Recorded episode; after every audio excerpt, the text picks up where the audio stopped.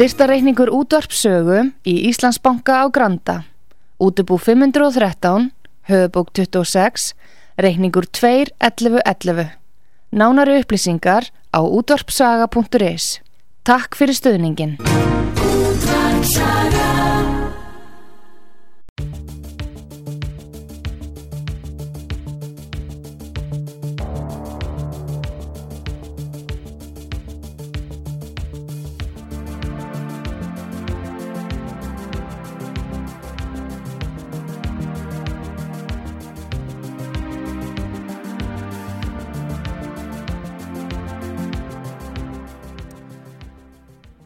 Komiði sæl, Eh, ég heiti Arnar Þór Jónsson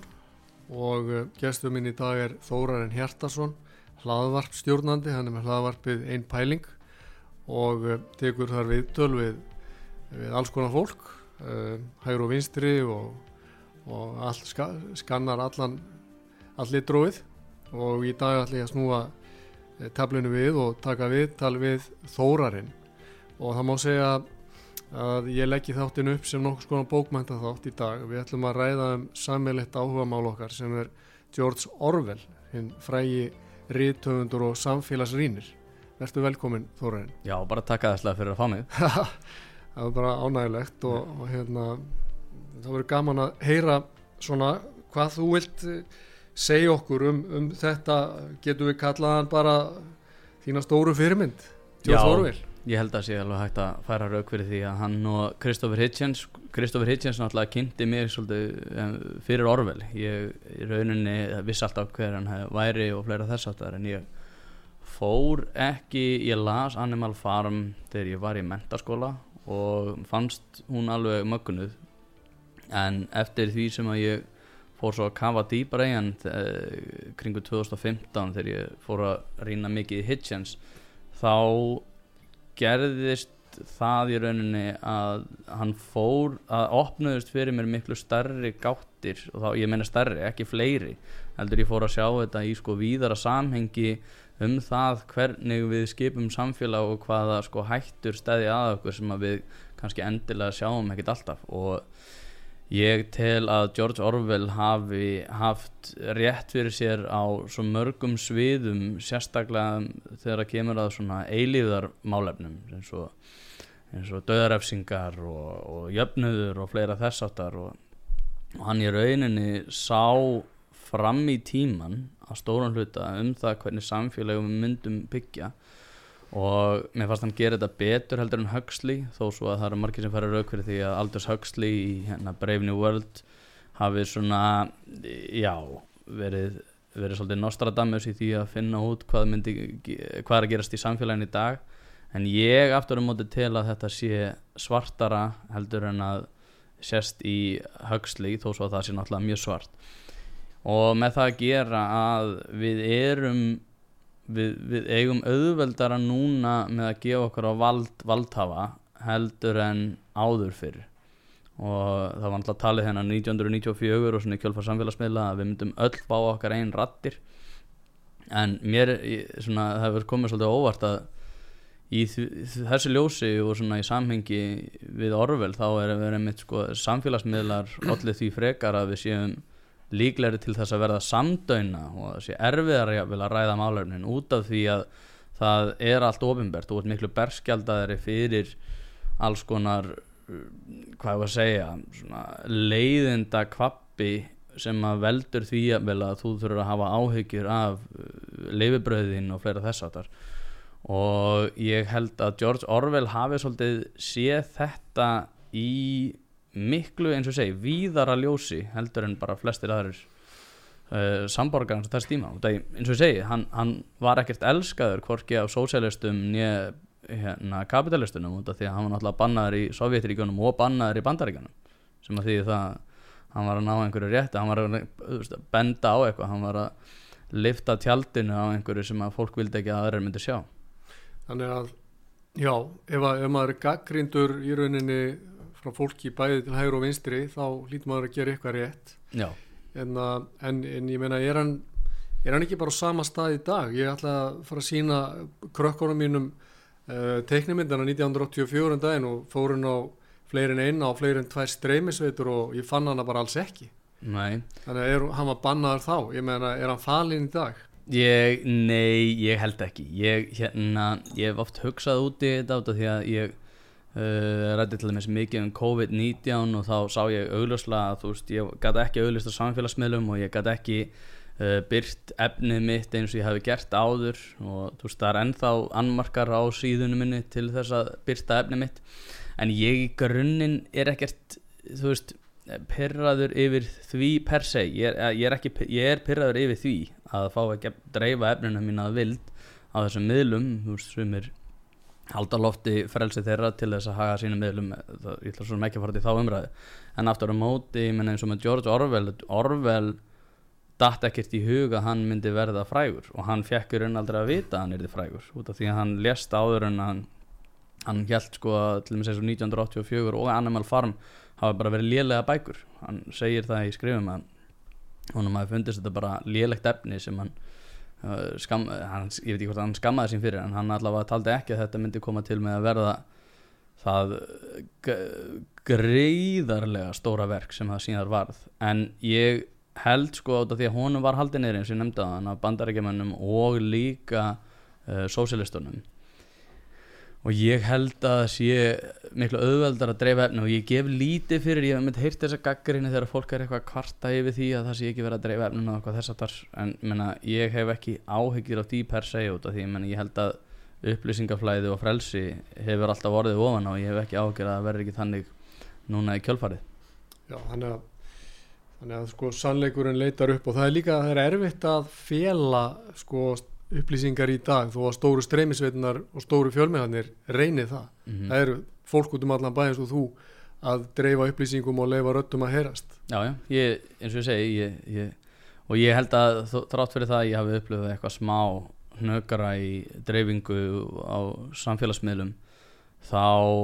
er ég ekkert mikið að pyrra mig á því ég er miklu meira bara þú veist, ég held bara áfram og sjáum bara hvað gerist. Eins og segi, mann líka er að gera þetta á íslensku og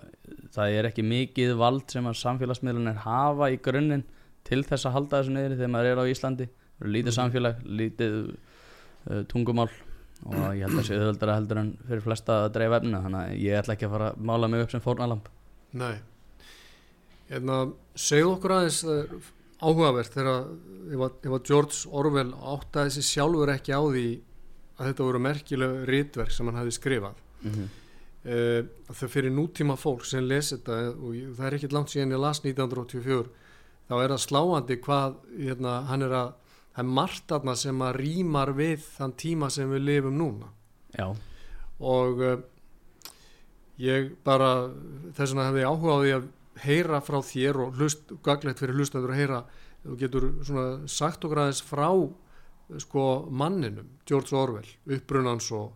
og svona hugsun. Já, hann náttúrulega verður sko, hann, hann var svolítið sérstaklega með þetta að gera að hann er öðruvísi heldur en aðrir það svona hefur verið debat um það hvort hann hafi verið sko hérna bladamaður eða ekki. Margir færa raukverið að hann hafi verið eða margir færa raukverið að hann hafi ekki verið það skiptir svo sem engum máli en, en hann var frekar magnaður með það að gera að hann sko vildi ekki taka við upplýsingum frá valdhugum eða ofnbjörnum fjölmjörnum heldur vildi hann upplifa þetta á eigin skinni. Og þú sér það mjög vel með þessi minnir að það sé fyrsta bókin hans The Road to Vegan Peer ég gæti haft það vittlust, með minnir að það sé hinn fyrsta. Og þar er mitt lýsir hann aðstæðum sko verkafólks og greinilegt að hann mótar svona sína sósjálisku taug út frá þeim formerkjum út af því að hann, hann var mjög mikið á móti hann, hann svona ég myndi segja bara hann var mjög mikið á móti óréttlæti eins og hann sá það. Og hann, hann, var, gaf lítið fyrir það að þegar fólk var að segja að þetta væri rauninni réttlátt að þá ætti maður bara að taka því sem gefn út og því að hann var alltaf tilbúin til að taka slægin. Og það sést mér vel í The Road to Vegan Peer þar sem hann er að lýsa aðstæðum sem eru mjög báar og er að lýsa misskiptingu á því hvernig sumir fá að haga sínu lífi og aðrir fá engin tækifærunni bara whatsoever. Og ég held að það hafi mótað svo það sem að kom í kjölfarið. Og hann var sko sérstakum með það að gera að ég held að þeir sko þegar hann horfir á svona hérna verstu valdhafa samtíma hans það er að segja að Stalin, Mussolini og Franco og fleiri. Um, að hann gerði ráð fyrir því að hann væri haldinn sömu annmörkum og takmörkunum og versta fólkið í heiminum.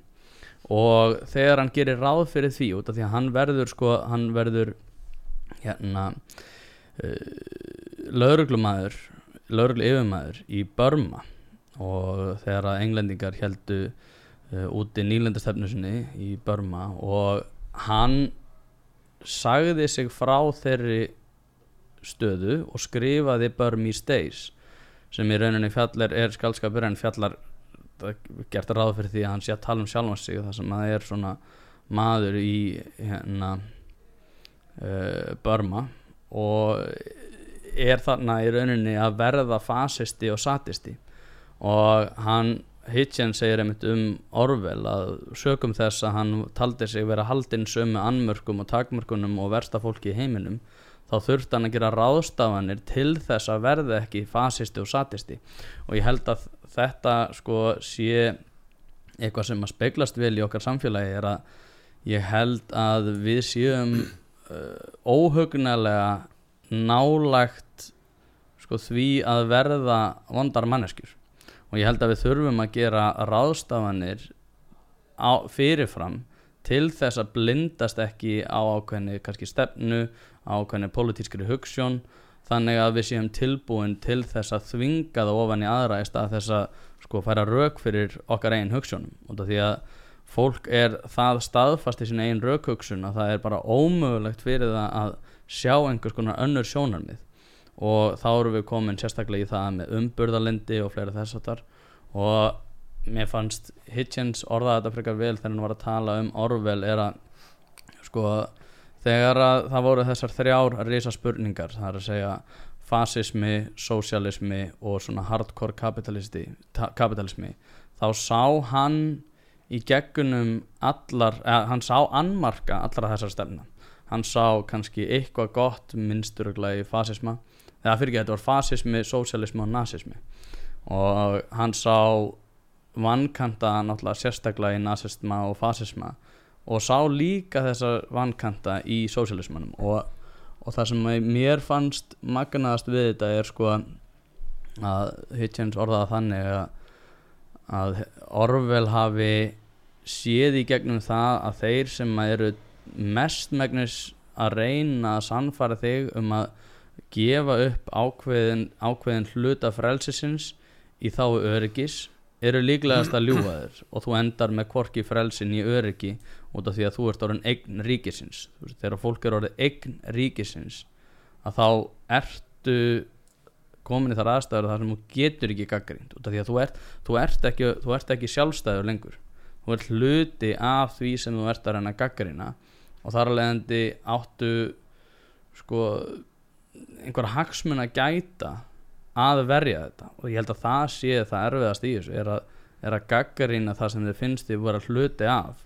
Og það er svona það sem að, að mínum mati aðgreinir sko eign, eign ríkisins og einstakling. Sko eins og margt í þessu sem að væri gaman að spörja nánar út í. Mm eitt af þessu er þessi tilvistakreppa sem eru þetta þegar maðurinn allt í einu stendur frammi fyrir sjálfuð sér. Hann er búin að vera hluta af einhverju kerfi og hefur þá komist upp með í rauninni að þurfa ekki að uh, sko hugsa -hmm. heldur þá er hann bara að hlýða. Og þú nefndir á hann internetið og, og, og þessa trú sem að einkjandi svo margt fyrir nokkrum ára síðan að allir myndi eignast rödd. Og við höfum farið frá því að þarna ríki þá frelsi yfir í að internetið er orðið vettfangur þar sem að það er bara sagt þegar þú hlýtur reglunum Mhm. og þetta er línan og fylgdini uh, og þetta er svona klassíst þema má segja í bókmentum og við vorum að tala um það áður en að þátturum byrjaði sko, glæpu og refsing eftir, eftir Dostojevski það sem að söguhetjan er, er alltaf að í svona einhverju innri baráttu við eigin samvinsku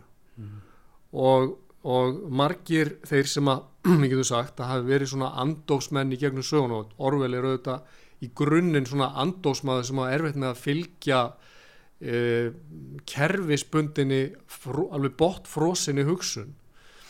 Uh, að þeir hafa margir hverjir uh, einmitt staðið á þessari hildýpis brún og þurft að svara sko, býtu hvers konar manneskja vilja vera? Vil ég hérna umbreytast í satista og fasista og, og eða ætla ég að hérna ætla ég, ég að snúast gegn kerfin og ætla ég að verða andósmaður þetta er, þetta er það sem að í raun og veru maður sko bókmentinir er að glíma við og þetta er það sem að í rauninni lífið er að knýja okkur til að svara. Eiginlega, ég sé ekki hverjum degi en oftar en okkur þykir þægilegt að svara Já, ég líka, eh, sko, ef við tökum eitt skref tilbaka, ég vil frá þessu, sko, það er líka reyna að átta sig á því, sko, hvaðan þessi, eins og nefndir réttilega, þessi botnfrosna, uh, sko, hugsun, Kerfishugsun. skerfishugsun, sem eru náttúrulega, þú, sko, ef við virkilega pælum í, þá er það í rauninni íhald að einhverju leiti. Já. Þú veist, það er einhvers konar íhald í það að þú sért bara, þú getur ómögulega séð fyrir þér að þú hefur rand fyrir þér Mhm. og ég, svo eins og ég segi svo ef við tökum að skrifa tilbaka sko, reynum að átt okkur á því hvaðan í grunninn þetta kemur og þetta kemur svolítið frá því að sko okkar svona pólitíska landslag reynir býður ekki upp á það að þú hefur rámt fyrir þér. Og við sjáum oft til dæmis í bandaríkjunum þá er þetta kallaður flip-flopper. Svona ef, þú- ef, þú- skiptir um skoðun þá ertu sko í grunninn einhver sem var vittlaust áður eða vond manneskja fyrir og þá ertu hann góð manneskja núna eða öfugt. Og mér finnst þetta að vera svolítið svona ég myndi, ekki segja árás á vestræna hugsun en þetta er samt það er verið að allavega heia að henni með því að, að við beitum okkur hugsunarhættu svona út af því að ef við pælum í því sko ef þú ert á einhverju skoðun að ég er á einhverju skoðun að, og svo ræðum við hlutin og ég get komist að annari skoðun þá er það miklu meiri fegur. Það er ekki endilega að þú verðir undir eða ég verði undir meira bara við séum að reyna að móta framfærir með því að skiptast á skoðunum. Og okkar svona pólitíska landslag og þá erum við að tala um, þá er ég ekki bara að tala um inn á alþingi, ég er að tala um bara hagsmunahópa, ég er að tala um samtaka atvinnulísins og stjættabaratur og fleiri þess að, að, að fólk sko einskorðar sig að, að sko skoðan þínar verða identitet. Það, það verða einkenni í stað þess að vera þínar hugsunir út af því að það er í rauninni engin hugsun sem að þér ætti að finnast ómögulegt að gefa upp á bátinn Mhm. út af því að ég gerir ráð fyrir því að ég hafi rámt fyrir mér á ótrúlega mörgum sviðum og þess vegna er auðvelt fyrir mig að skipta um skoðun og móta, móta mín eigin hugsunir en, en ef að við erum að móta sko pólitísk landslag sem er undir þeim formerkjum að, að, að það sé verið að sko ráðast á einkenni þitt Mhm. þegar það er verið að gaggarina það hvað er finnst um efnahagsmála, innflytjendamála eða hvað sem er þá óhjákvæmilega eru við að byggja á sko hugmyndakjarna sem að mun springa. Það er, það er ekki, það er óhjákvæmilegt að ef við erum alltaf að beita okkur þannig að, að þú þurfir að vera á þessari skoðuna eilífu. Annars bæði sko, ég ætla ekki bara að heia því hvað þér finnst um þetta. Ég ætla líka sko að tróða því ofan í þig ef þú skiptir um skoðun. Mhm. og þetta er náttúrulega ótrúlega skrítin sko já, þetta er bara leið að því að reyna betur um þetta samfélag út af því að það er allir með sko einhvers konar hugmyndu það hvernig er alltaf sko algjörlega að umturna kerfinu Mhm. og það verður bara miklu betra þegar að ég er búinn að uh, skrúfa allar skrúfunar í hvernig samfélagi á nákvæmlega að vera Mhm. en, og, og þetta er svona mér finnst þetta að vera miður út af því að þetta líka sko gerir fyrir því að allir allir sem hafa voru hérna áður en að þú komst að það hafa verið bölvaðar hálfvitar og þú sért sko einhver sko brjálaðislega klár en sjálfsögur er þetta bara einhver svona jesúkomplexar Mhm. sem við náttúrulega sjáum í gegnum. Mhm. en það er samt, þetta, þessu leifi, þessu leifi svolítið að viðhafast. Já,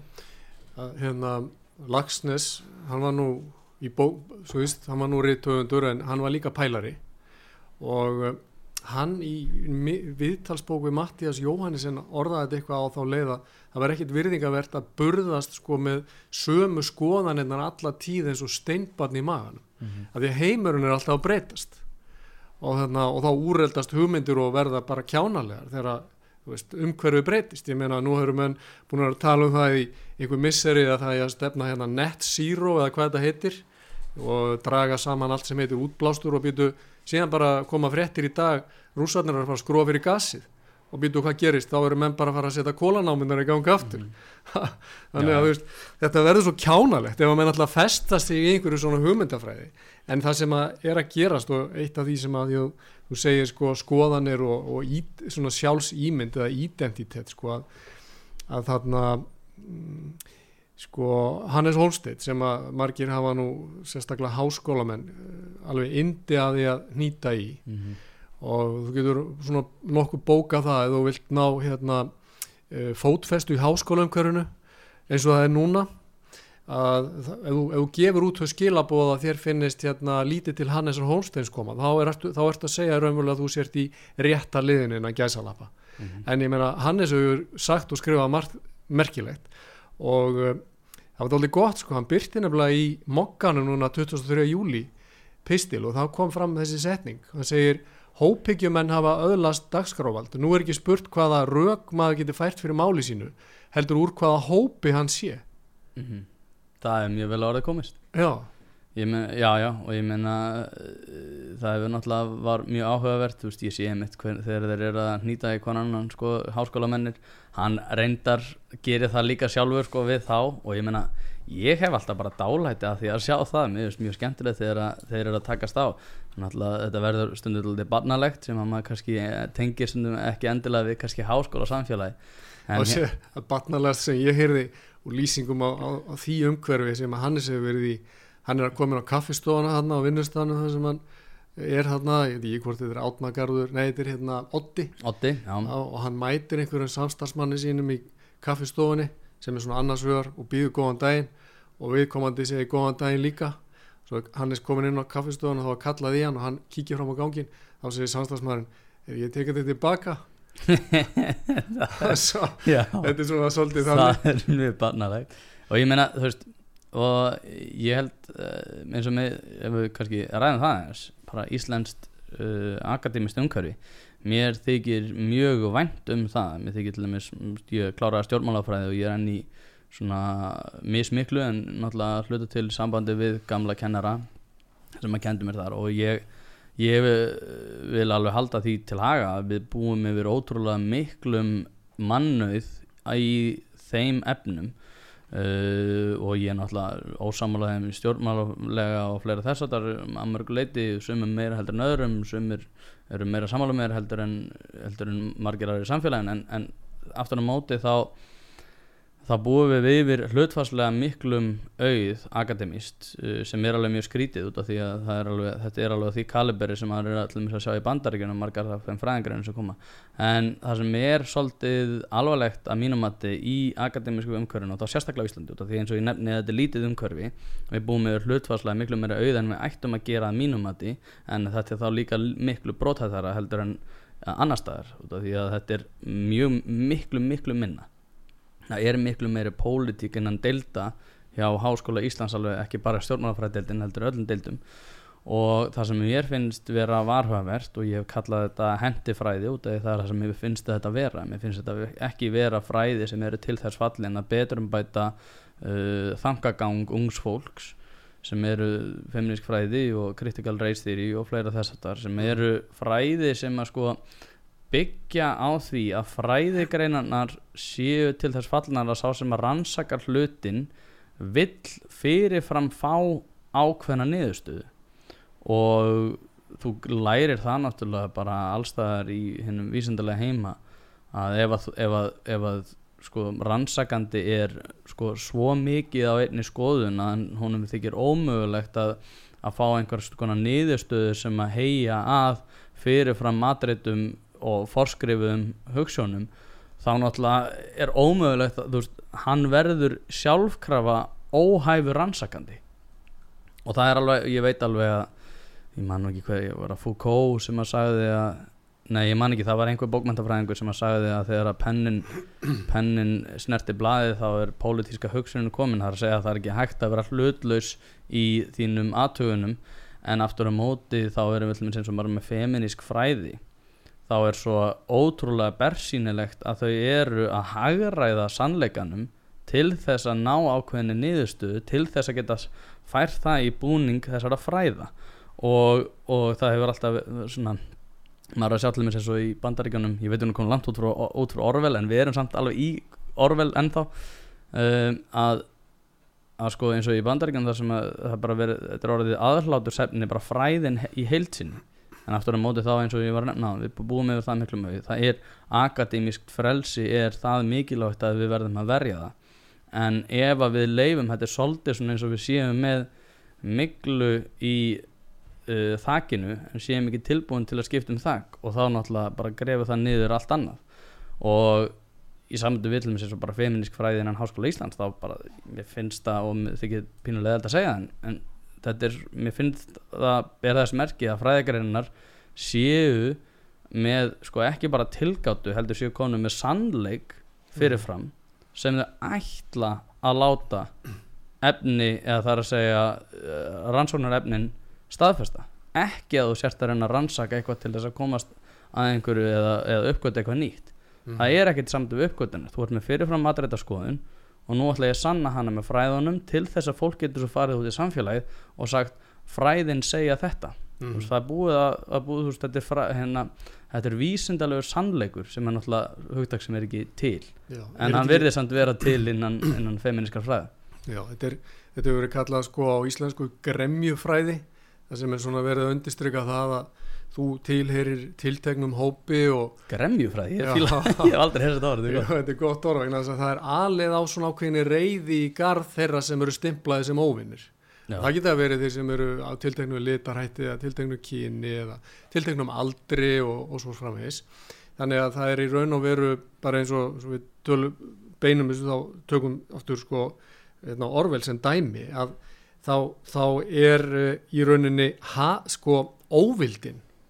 er notu sem saminningar afl Já. og var hann ekki með svona svona þryggja mínúna hatur Jú, var það ekki svona Já, fastur liður í deginum akkurat í sem að fólk 1984 Jú. að sko fyrir fólk sem að lifir tiltölulega skulum sko, það er kannski ekki mikið að frétta eða fólk finnur ekki tilgang kannski í sínu daglega lífi að fólk getur ímyndað sér að svona blús, sko, blúsandi hatur og óvildi garð einhver sem þú ímyndað þér að beri ábyrða á allir þinni vanlíðan. Geti sko fært þér tímabundna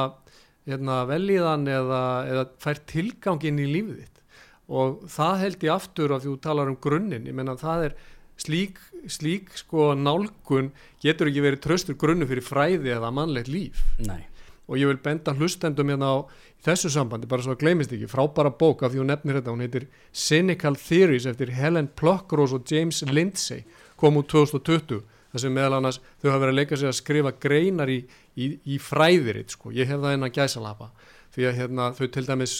gerðu það uh, þann rekk að taka hérna kabla úr Mein Kampf og því umbreyttu orðalagi, þau tók út gýðing og sett inn kallmenn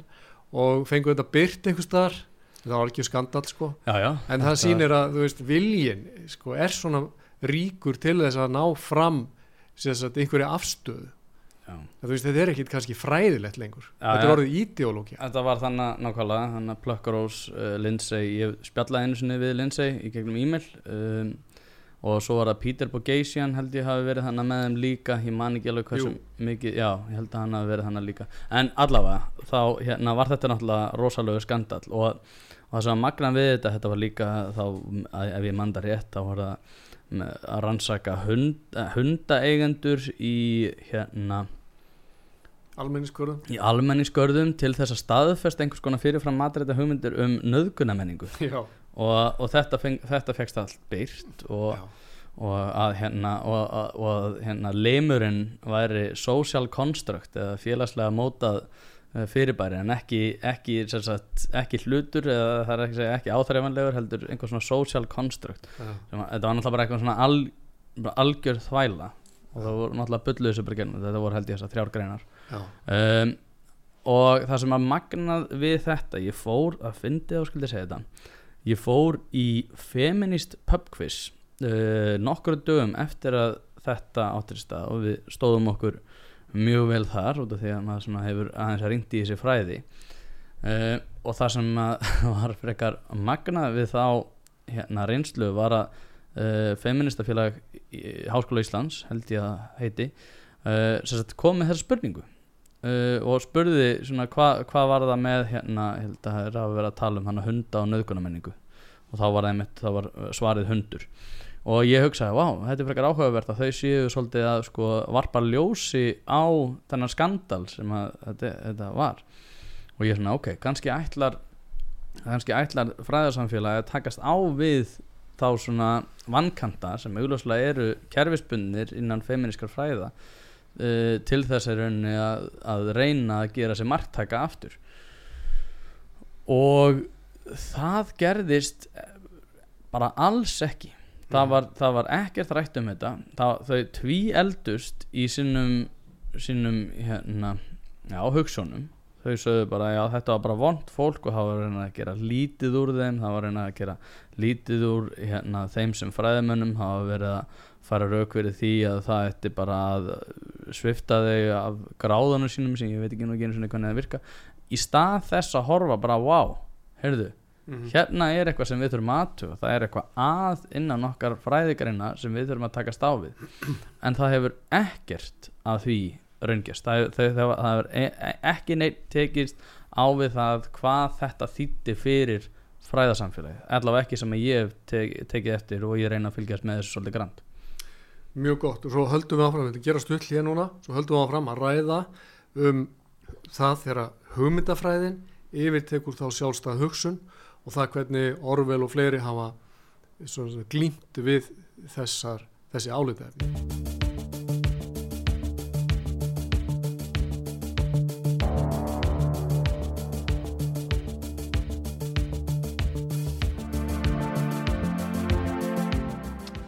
Já, komum við sæl eftir, ég heit Arnar Þór Jónsson og uh, gestur minn í dag er Þórarinn Hjartarsson.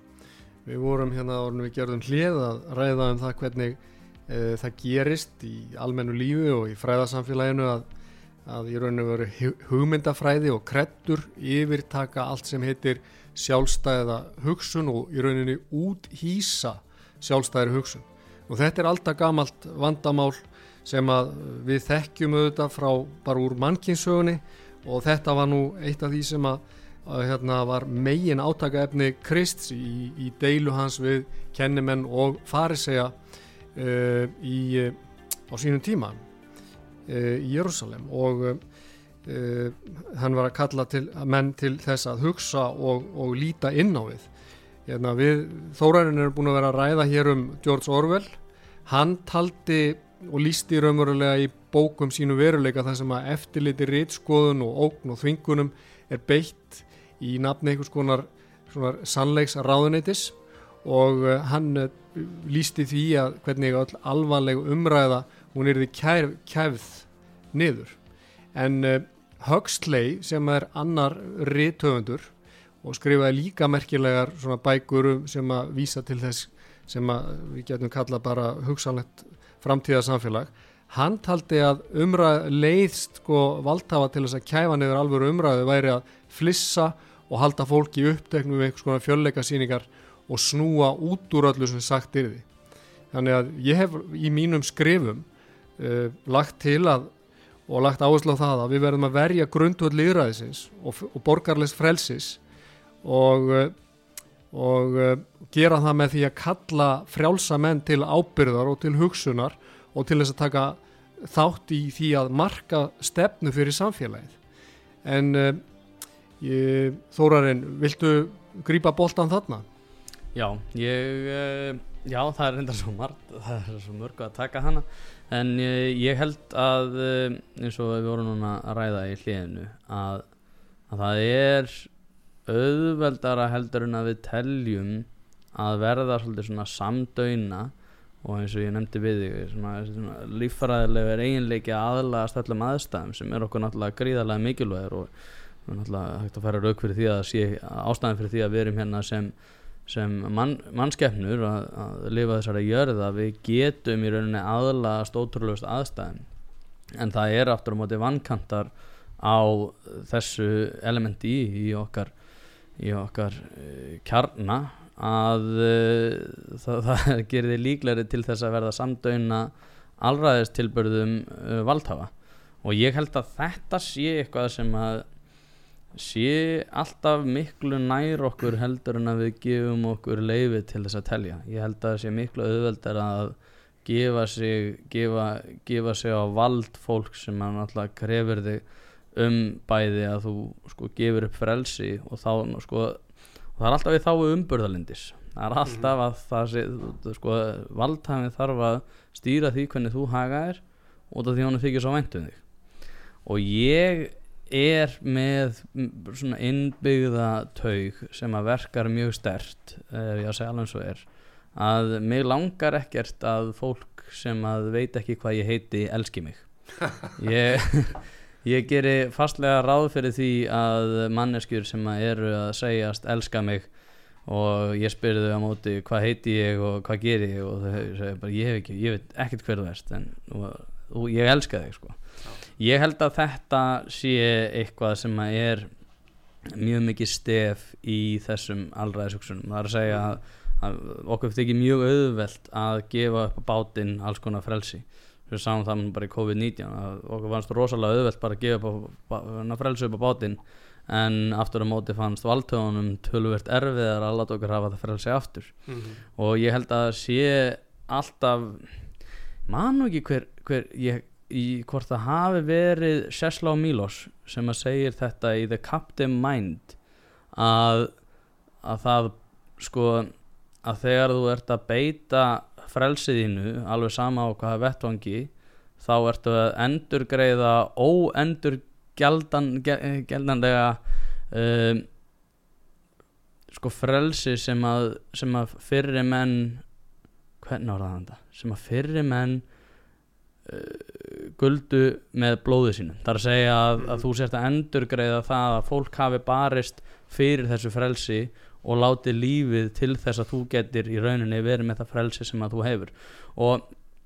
og ég held að það sé eins og ég segja það er miklu erfiðara að öðlast frelsi heldur en að gefa það frá sér já. Þetta, já. það er svona þeir sem að þekkja söguna einmitt hafa kynnt sér það hvernig til, þau verður til þessi réttindi og þessar stjórnarskrár sem við höfum verið að leggja til grundvallar hér á Vesturlöndum í það minsta hvað það var ótrúlega mikla fórnir færðar það er, það er að mínu viti og margra annara rosalega vannverðing í því fólkin að afhenda valdhöfum þetta borgarlega frelsi með brosa vör á þess að spurja spurninga. Það er einhver svona trúgirni, mögulega einhver einfeldni þarna baki og auðvitað er það líka bara alvarlegt hvernig sko fjölmelar hafa tekið þátt í raun og veru í því að selja fólki hugmyndina um það að valdhafar berið svona óbúslega mikla umhyggju fyrir okkur. Og í staðin fyrir þá þess að stjórnarskrár Eh, þessi stjórnarskrar ákvæði og þessi, þessi, þessi líðræðislegu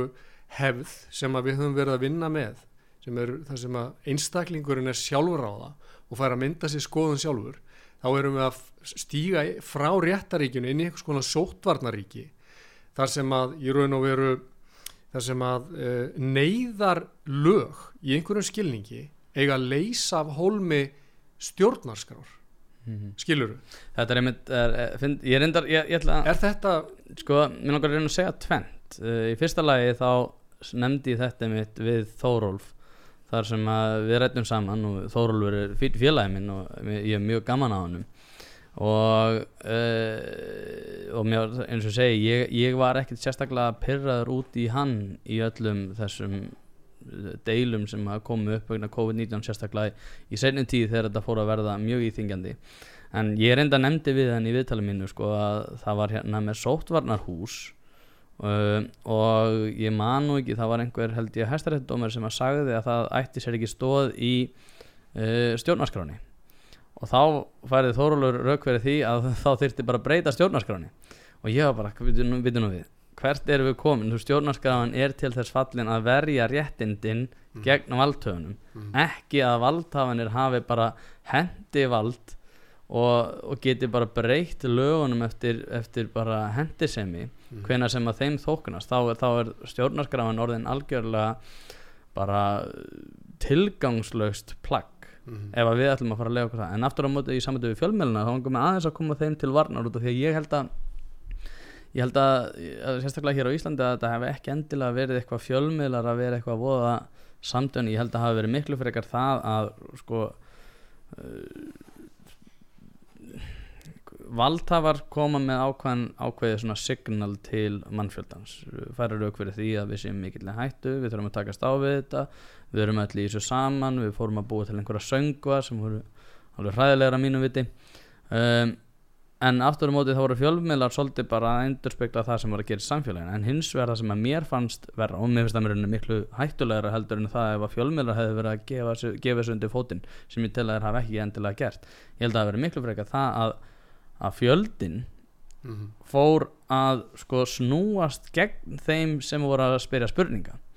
og ég mann bara, þú veist, þegar ég var að tala um COVID-19 bara, þú veist, í vinnunni, þá var bara þú veist, fólk var bara reitt út í mig Já. Ná, þú veist, það tröfla mig ég ég, ég, ég e, mér finnst ekkert mál að hafa einhvern öskrandi, þú veist, ef ég tel mig vera á einhverju skoðun, þá gef ég mig, þá gefst ég ekki upp þó svo að manneskja verði reið eða sár eða leið. Það er bara að ég færi rauk fyrir mínum máli og hann að hvort þetta er betri rauk eða ekki. Og mér er alveg sama þótt að við förum okkar leið eða sirkvara leiðina í þeim efnum um það ég get alveg skilið við mannesku ósamálenni eða samálenni það er henni breytir ekkert minnum eigin þankagangi en aftur á móti þá var, fannst mér bara fjölmiðlar svolítið verið að spegla það hvað var að gerast í samfélaginu. Já. og það er það sem mér finnst miklu alvarlega heldur en það ef að fjölmiðlar hefði verið einhvern veginn að sér undir fótinn Já, það, það var, þú veist, auðvitað til mörg dæmi í mannkynsugunum það að það, það brestur á einhver svona, e, ég ætla ekki að kalla þetta sko störlun, en það, það brestur á einhver svona, það verður einhver stemming til, ha? og við þekkjum það bara úr nútíma sögu, ég meina, díkót var komið þannig upp í, ég man ekki hvað það var á grámarkanum, manstu, allir vildu fá hlutabyrja í díkót og það er til söguleg dæmi frá 17. öld um það að frá Hollandi að sko túlipannalaukar voru farin að kosta bara hátt í einbýlishúsaverð af því að þetta þótti svo fínt. Og alls konar ponzi skím sem hafa gengið í gegnum tíðina og, og hérna hlutabriðamarkaðir hérna fyrir fjármálarhunni að allir pumpaðir upp og, allir bankamenn trúðu því væntalega sjálfur að þetta væri allt í himnalagi.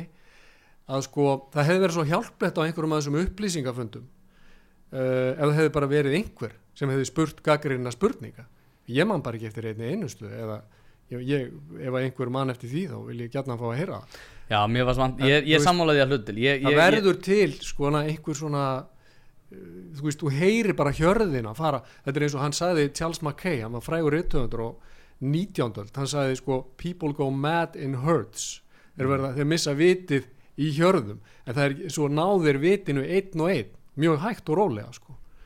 Já, já, þetta er hérna Þetta er einmitt talað um að uh, hugur ekki, hugur ekki fjöldans er nekkert hugur ekki það er þetta því að, að uh, þú ert bara að hluta af einhverju heild og, og felur þið svolítið bak við það. Það er miklu meira hugur ekki falið því að, að vera á þínum eigin skoðunum þegar allir aðrir eru ósamálaðir að mínum að ég er alls ekki að færa, færa það yfir að sjálfa mig. Ég, ég, að- er, ég er alveg sammála eins og Íslendingar eru sammála flestir um allt en aftur á móti þegar við erum með einhver svona mann sem að er kannski ekki endilega á þeirri skoðun sem að við teljum vera þeir rétta þá viljum við frekar sko útskúfan og bannunum að tala í stað þess að reyna að færa rauk fyrir því að hann hefur fyrir sér Já. og ég meina hversu góðar eru okkar hugmyndir ef að við getum ekki einu sinni fært rauk fyrir þeim í stað þess að þurfum að þakka það niður. Það er einhver sagði við mig, ég selða nú ekki dýrar en ég kefti sko, að það væri svona merkjum það að Íslandinga að vera alvarlega sko langkúu þjóð sko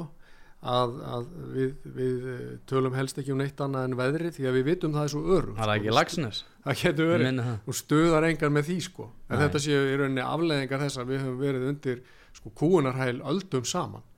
En, en hérna hvert er svarið? Ég meina var Orvel hann hefur ekki verið svona hjarðhugsuna maður greinilega Nei, nei, hann hefur verið það sem við getum kalla bara andósmann eða svona kontrarian. Já, já. Er og, og hva, hver var hans tillaga? Ég, hvað, sko, hvað lest þú til dæmis und, út úr þessum bókmöntum hans? sko, ég tel að það sem ég les úr bókmyndum hans er nákvæmlega það að ég uh, ætla að hugsa fyrir sjálfum ég ætla ekki að gefa mig undir þeim formerkjum að manneskja sé sár leið eða reið út í mig. Ég, ég, ég get ekki ekki sagt það sem ég finnst. Stundum bara er það stundum mér sá mikið og ég hef viðkjönt það stundum er ég kannski í einhverjum félagslegum aðstæðum þar sem ég bara fer að tala um eitthvað þú veist er að það er kannski algjörst taktleysi sem er, sem er kannski ekki þú veist til hins betra. En aftur á móti þegar það kemur að því að mynda eigin skoðanir og þegar ég er krafin svara að þau þurfa að vera undir, for, undir formerkjum og forskrift einhvers konar sko, vísindalegs sannleik sem allir eru sammálum þá tel ég mig bara alls ekki geta gert það út af því að ég er búin að lesa þessar bækur orvel ég, ég held að það sé mjög erfitt að átta sig á því að þú sért að uh, ganga sofanda feðarós í samöndu við það að búa við allræðisríki þanga til að þú býrð bara við allræðisríki sem þú getur ekki gaggrínt og það er hættan í þessu En, en þegar að segjum eins og Winston vinnur okkar Smith í bókinni góðu mm. 1984 þegar hann átt að segja á því að, að þetta er einn stór blekking og hann tilur sig hafa séð eitthvað sem aðrir hafa ekki komið auða á þá er svo erfitt eftir það að fara í það að fljóta með strömmnum er það ekki? Jú og líka sko út af því að þú hérna, nefndir svona hvert er svarið þá er tvent sem ég langar að segja í þessu ljósi að að eh, sko hann, hann Orwell sýnir mér mikið hvernig Winston sko upplifir sér bara er ég, er ég að verða bilaður? Sem er held ég þegar fólk er til þess að gaggarina og ég menna ég upplifið þetta kringu COVID þegar ég var gaggarina aðgerði bara er ég að verða bilaður? Er, er, ég, er ég að verða bilaður? Okkur er allir svona mikið ósamálum mér og okkur er allir svona rosalega reyður út í mig þegar ég er að færa raukverði mínu máli? En svo áttur á móti fannst mér að koma allir ljós að Gaggrin, þetta var mjög gaggrinnisvert og það var margt sem var mjög slæmt og það er margt sem þeir bara skiptu, skiptu um skoðun allt í hennu, þú veist að það þurfa allir að bólusetja sig svo við fáum ekki COVID og svo þurfum við að bólusetja okkur til að takast á við engininn og svo þurfum við að þrýbólusetja okkur til að og, og svo fór, þetta, var þetta einhvern veginn í skrefum. Ég er ekkert að segja að þeir hafi vi, átt að vita þetta, kannski er þetta eitthvað sem hann lærir en aftur á móti þá fannst mér erfiðar að gaggrina en með Winston svarið,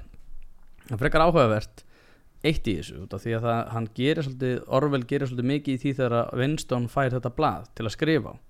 það sem hann getur, eða þessa litlu bók eða hvað sem það var, það, það sem hann getur skrifað eitthvað á blaðið, það, það var náttúrulega hard bannað. Og ég, ég æfisu Fredrik Douglass sem var hérna baráttumar þeldökkara í bandaríkjónum kringum 1800, ég held að hann hefði dáið 1877 og dáð þá 77 ára skiptir þessu mjög máli. Hann var að berjast fyrir réttindu þeldökkra í bandaríkjunum og hann það er eiginlega ótrúlegt hann hafi ekki verið drepinn út af því að hann var svo ödull baratumæður og hann kendi sjálf um sér að skrifa. Og það var hérna hjásvæfa meis, eða, hans master eða segja eiganda hans sem var náttúrulega þræll að hann sagði að það hann hafi lert að skrifa og, og, og tala hafi verið, forskrift þess að hann gæti barast fyrir sinni frelsi. Og Winston ég held að Orwell sé svolítið að segja okkur frá því að, að Winston kennir sjálf um sér að skrifa og það sé í rauninni grunnstefið og grunnforsendan fyrir því að þú getur sko tala gegn valdi er að hafa tólinn sem er tungumálið og að skrifa. Og það sé tólið til þess að takast á að valdhafa. Við sjáum til dæmis og ég menn þetta er tæki sem er ennþá, ennþá í dagnóta ég meina þú sér það af, uh, talibanar hafa rosalega áhyggjur af því að stelpur læri að skrifa og tala. Og ég meina það er, það, við vitum alveg okkur ástæðinu fyrir því er. Það er þetta því að ef að konur læra að skrifa og lesa í Afganistan að þá geta þær orðnið andofsmenn í kjölfarið. Þannig að í, sko, í grunninn er það mjög sniðugt hjá talibunum og að banna afganskum konum að skrifa og lesa. Út af því að það viðheldur þeirra ástandi þar sem þær hafa ekki tólinn til þess að geta fært rauk verið því að valdhafanir eiga ekki rétt á því að kúa þau með þeim tilbörðum sem þeir gera. Þannig að hérna, valdhafar í rauninni gegnum tíðina vilja svifta uh, tjáningafrelsinu uh, svifta andstæðinga sína og hérna undirókuðu Það er- sko, en, en, en, en, sko það er ekki ástæðan fyrir því. Ástæðan fyrir því er í rauninni til, að þau séu ekki í stakk búin til þess að í rauninni að velta þeim úr sessi. Og Mhm. það er í rauninni ástæðan fyrir því held ég að, að, að sko valdhafar græða þetta var, var líka vitað eins og ég var nefna með Fredrik Douglass og Þeldökka í bandaríkunum sem hafa verið þrælar að þeir máttu alls ekki læra að lesa og skrifa mm er þá myndur öðlast tólinn til þess. Þannig að það er, það er, það er ekkert endilega eitthvað að þau vilja halda þeim heimskum. Þeir vilja bara halda tólunum til þess að geta færstur auk fyrir því að þeir eiga ekki að lifa við þessar aðstæður. Að, að þau tól séu þeim ekki uh, til staðar. Tiltæk, já. Já, tiltæk Já, herru, nú er tíminn að renna frá okkur þóraðin en þetta er búið að vera áhugavert og, og margar spurningar sem að maður situr eftir með og til dæmis eitt af því sem ég bara situr núna í mínum huga er þegar þegar að maður í til dæmis í stöðu Winston Smith og aðrir sem að telja sig hafa séð að það sé við séum að, fljóta í átt að fegðarósi gera ekki neitt velja þá að gera ekki neitt og þegja. Að í því lítur að vera fólkin ákveðin hætta sko ákveðin sjálfstortímingar hætta í formi sko sjálfsfyrirlitningar að þú segir ekki neitt sko. Mhm. þú veist betur eða telur þig hafa eitthvað fram að færa en gerir ekki neitt.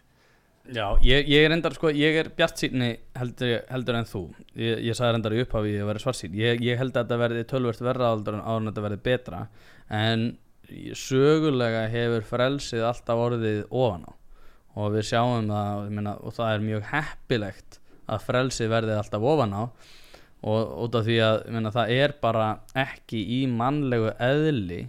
að láta aðra manneskjur kúa sig. Það er ekki í okkar eðlu og, og, og ég held að sko innra með okkur sé alveg alveg sama hversu undirgefin við erum gagvart valdatilbörðum stjórnvalda í hvaða formi sem er Afríku og eða hérna heima eða hvað sem það er. Ég held að, að sko við séum með innbyggt tæki sem er rótgróið og skín ekki alltaf í en ég held samt aftur á móti að það sé þarna til staðar til þess að mynda að taka stáfið þegar það er kúna tilbyrjun þannig að ég er í grunninn bjart sín út af því að frelsið sögulega hefur alltaf verið ofan á. Ég hef ekki orðað þetta betur ég er sammálaðir og við skulum láta þetta að loka orðin. Takk fyrir að koma. Bara takk aðeinslega fyrir að fá mig. Það er mjög gaman að, og gott að sjá þig líka aftur hittust fljótlega aftur. Gerum það